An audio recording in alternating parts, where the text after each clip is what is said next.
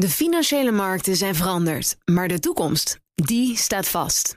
We zijn in transitie naar een klimaatneutrale economie. Dit biedt een van de grootste investeringskansen van onze generatie. Een kans voor u om mee te groeien met de klimaatoplossingen van morgen. Meer weten? Ga naar carbonequity.com. Carbon Equity. Do good by investing better. Een goedemorgen van het FD. Ik ben Saskia Jonker en het is woensdag 22 februari.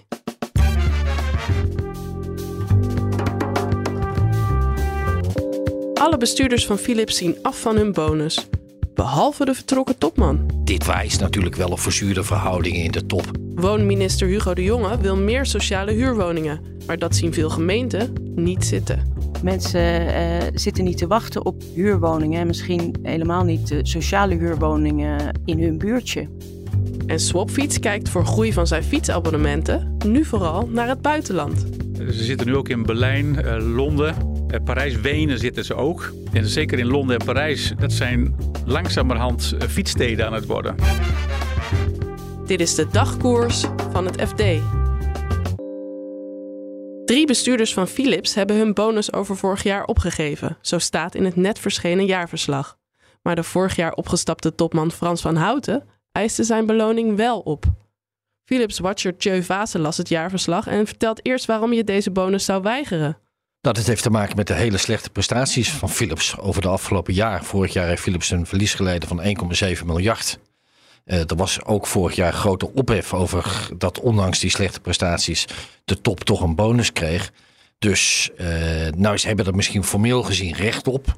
Maar ze snappen ook wel dat het maatschappelijk gezien een heel moeilijk verhaal is. Zowel naar werknemers als naar beleggers. En dus besluiten ze die bonus niet, niet te incasseren en zien ze er vanaf. Ja. Waved staat er dan op zijn Engels in het jaarverslag.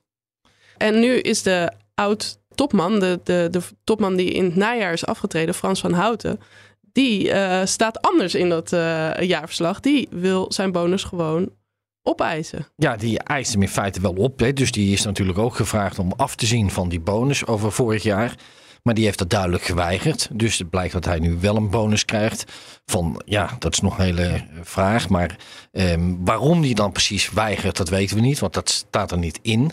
Nee. Maar dit wijst natuurlijk wel op verzuurde verhoudingen in de top. Als de Raad van Commissarissen en de huidige Raad van Commissarissen en de huidige Raad van Bestuur samen besluiten om die uh, bonussen niet, niet, te, niet te innen. Ja, een signaal af te geven naar beleggers, beleggers, en naar de maatschappij. De maatschappij tegemoet komen. Ja. En de vertrokken topman zegt, nou, ik doe niet mee aan dit, uh, aan, aan, aan, aan, dit gebaar. Aan dit gebaar. Ja. ja, dat is toch wel een affront, lijkt mij, naar, uh, nou ja, in ieder geval naar zijn voormalige collega's. Ja.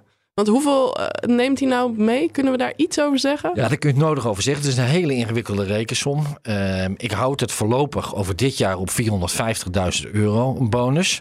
Dus hij krijgt een salaris van 1,7 miljoen, waarvan 450.000 bonus. Maar je kunt voorzien dat die bonus de komende jaren gaat oplopen. Dus ook over 2023, 2024 zal hij waarschijnlijk nog een bonus ontvangen. Of op basis van de aandelen die hij al gekregen heeft, maar nog niet mag cashen. Nou, dus die bonus kan makkelijk in de miljoenen gaan lopen als Philips de komende jaren minder slecht doet dan ze het afgelopen jaar hebben gedaan. Ja, stevig dus. En hoe reageren aandeelhouders en werknemers hierop? Ja, uh, met onbegrip tot woede. Uh, niemand begrijpt het. Uh, mensen zijn heel boos. Dus dan bijvoorbeeld de VEB, bijvoorbeeld de vakbonden. VEB is de, de Vereniging, Vereniging van, van Effectenbezitters, de particuliere beleggers. Maar ook de institutionele beleggers die geven duidelijk aan dat ze dit niet goed begrijpen en dat ze vragen gaan stellen. En dan zie je dat het verhaal ook een beetje zich keert, niet alleen tegen Frans van Houten, maar toch ook tegen de Raad van Commissarissen, die besloten heeft om überhaupt een bonus toe te kennen aan, aan Van Houten. Dus zowel vakbonden als beleggers vragen zich af: waarom krijgt Van Houten eigenlijk een bonus? Waarom hebben ze niet veel meer, waarom is de Raad van Commissarissen die daarover gaat, niet veel meer op zijn strepen gaan staan? En heeft gewoon niet een bijzondere bevoegdheid gebruikt om die bonus op nul te stellen. Dus dit verhaal is nog niet voorbij. Dit, dit gaat zeker nog een staartje krijgen.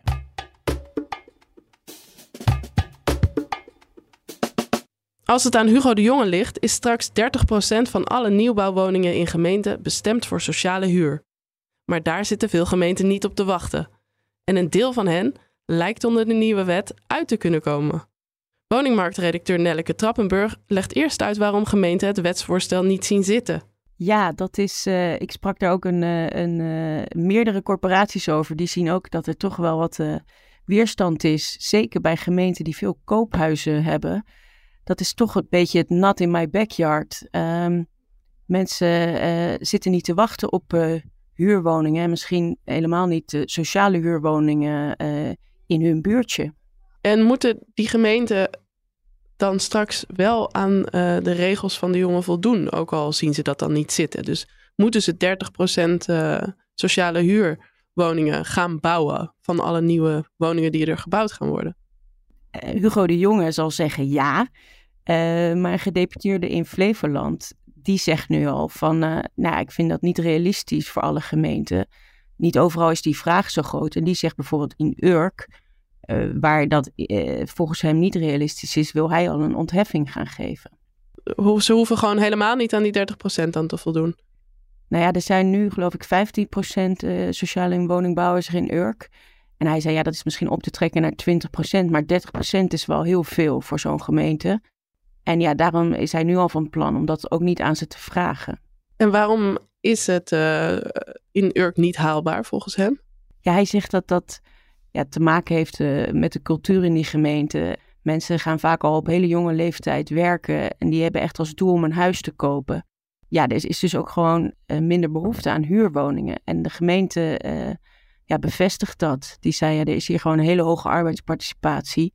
Ook lage scholen vinden hier werk en ja, daardoor hebben mensen ook gewoon geld om huizen te kopen. Ik kan een gedeputeerde eigenlijk zomaar zeggen van oké, de gemeente Urk hoeft hier niet aan te voldoen? Nou ja, er lijkt wel een, uh, of er, zit nu wel ruimte uh, om af te wijken in het wetsvoorstel. Dat heeft de, de woordvoerder van de Jong ook wel bevestigd. Er is wel ruimte, maar beperkte ruimte. En dat moet dan ook wel in overleg met het Rijk. Maar het is natuurlijk ook nog een wetsvoorstel. Dus dit moet nog uh, langs een consultatieronde en door de Kamer. Dus het is nog moeilijk te zeggen hoe deze wet natuurlijk uiteindelijk zal uitwerken. Maar ja, die gedeputeerde uh, neemt daar alvast de voorschot voor door te zeggen: uh, Ik denk dat ik dan een ontheffing zou geven. Ja, want eh, zoals je zei, hij moet nog door de Tweede Kamer. Ook daar was er eigenlijk vorige week al behoorlijk wat kritiek op, hè, nadat de jongen dat uh, plan lanceerde. Ja, volgens mij dezelfde avond als toen het plan ge gepresenteerd werd, het wetsvoorstel, was vooral VVD-Kamerlid Peter de Groot volgens mij al heel kritisch. En die vond het van de zotte, die 30% sociale woningbouw voor alle gemeenten. En dat, en dat viel natuurlijk weer verkeerd bij de andere partijen. Hugo de Jonge uh, vond dat weer liefdeloos. Dus ja, dat, dat zorgde al meteen voor uh, spanning in de coalitie. Swapfiets, de aanbieder van fietsabonnementen, wilde in 2025 1 miljoen klanten hebben. Maar dat doel is te ambitieus, zegt de CEO van Swapfiets nu. Redacteur logistiek Pieter Lalkens vertelt hoeveel klanten het bedrijf met de blauwe fietsbanden wel denkt te kunnen behalen. Het doel is uh, uh, nog wel doorgaan, wel doorgaan met groeien en winstgevender worden. Want dat is eigenlijk de eerste prioriteit nu. Want de afgelopen jaren zijn toch flinke verliezen geleden door die grote investeringen in warehouses of loodsen, hoe je het ook omschrijft. En dan ook nog in de fietsen. Dus het moet nu winstgevender worden. Want op hoeveel uh, abonnees zitten ze nu eigenlijk? Of hoeveel klanten? Ja, ze noemen dat in de, zelf noemen ze dat leden. Dus uh, je zit bij een oh, bepaalde ja. club, hè, de swap, ja. swapfietsclub. Maar uh, zij noemen dat leden. Wij noemen het gewoon klanten natuurlijk. Uh, we zitten nu uh, op 270.000 eind vorig jaar. En dit jaar zou het naar 300.000 moeten groeien. Ja, ja, dat gaat dus niet zo hard als ze misschien eerder hadden gehoopt. Waar, waar komt dat eigenlijk door? Nou, zij wijzen zelf ook naar de coronacrisis. toen er ehm, in ieder geval van 20 2020 naar 2021 inderdaad minder, uh, aanmerkelijk minder groei is geweest. Ja, studenten zaten natuurlijk uh, thuis. Studenten is toch een belangrijke doelgroep. Mensen zaten veel meer thuis. minder naar de universiteit of naar de hogeschool. Dus dat was een, een, een groei die aanmerkelijk minder was.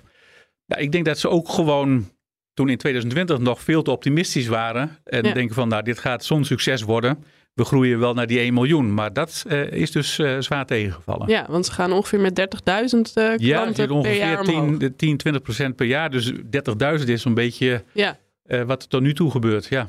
dus ze willen winstgevender worden. En wat, wat betekent dat voor die klant, gaat hij ook meer betalen voor zijn abonnement? Ja, die klant is in de afgelopen jaren al meer gaan betalen. Je hebt natuurlijk het studententarief, heb je. je hebt het normale tarief voor zeg maar, gewone mensen, niet, niet studenten, laat ik het zo zeggen. Het studententarief was in 2017, begin 2017 nog 10 euro per maand.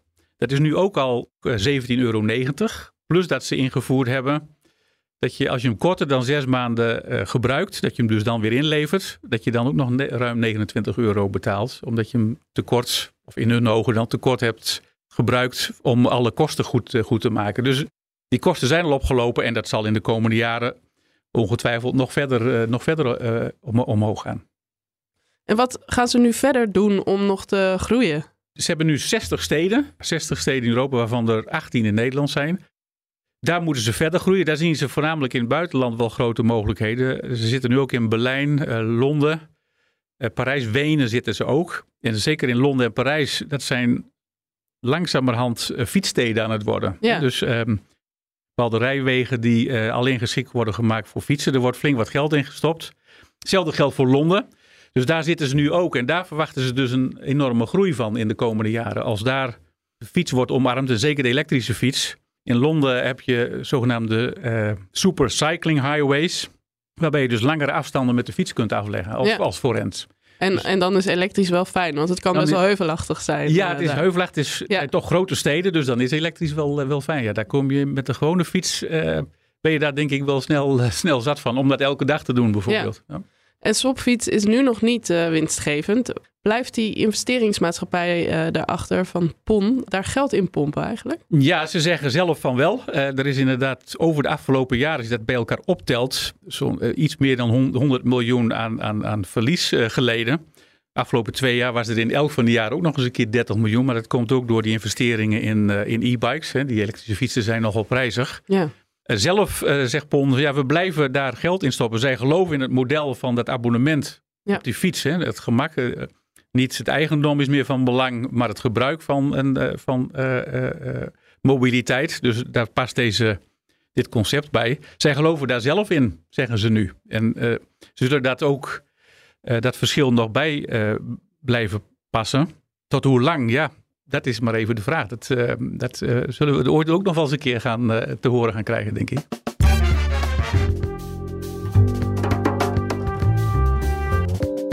Dit was de dagkoers van het FD. Morgenochtend zijn we er weer met een nieuwe aflevering. Als je je abonneert op dagkoers, dan krijg je de volgende aflevering automatisch binnen. Het laatste financieel-economische nieuws vind je in onze app. Nog een hele fijne dag en graag tot morgen.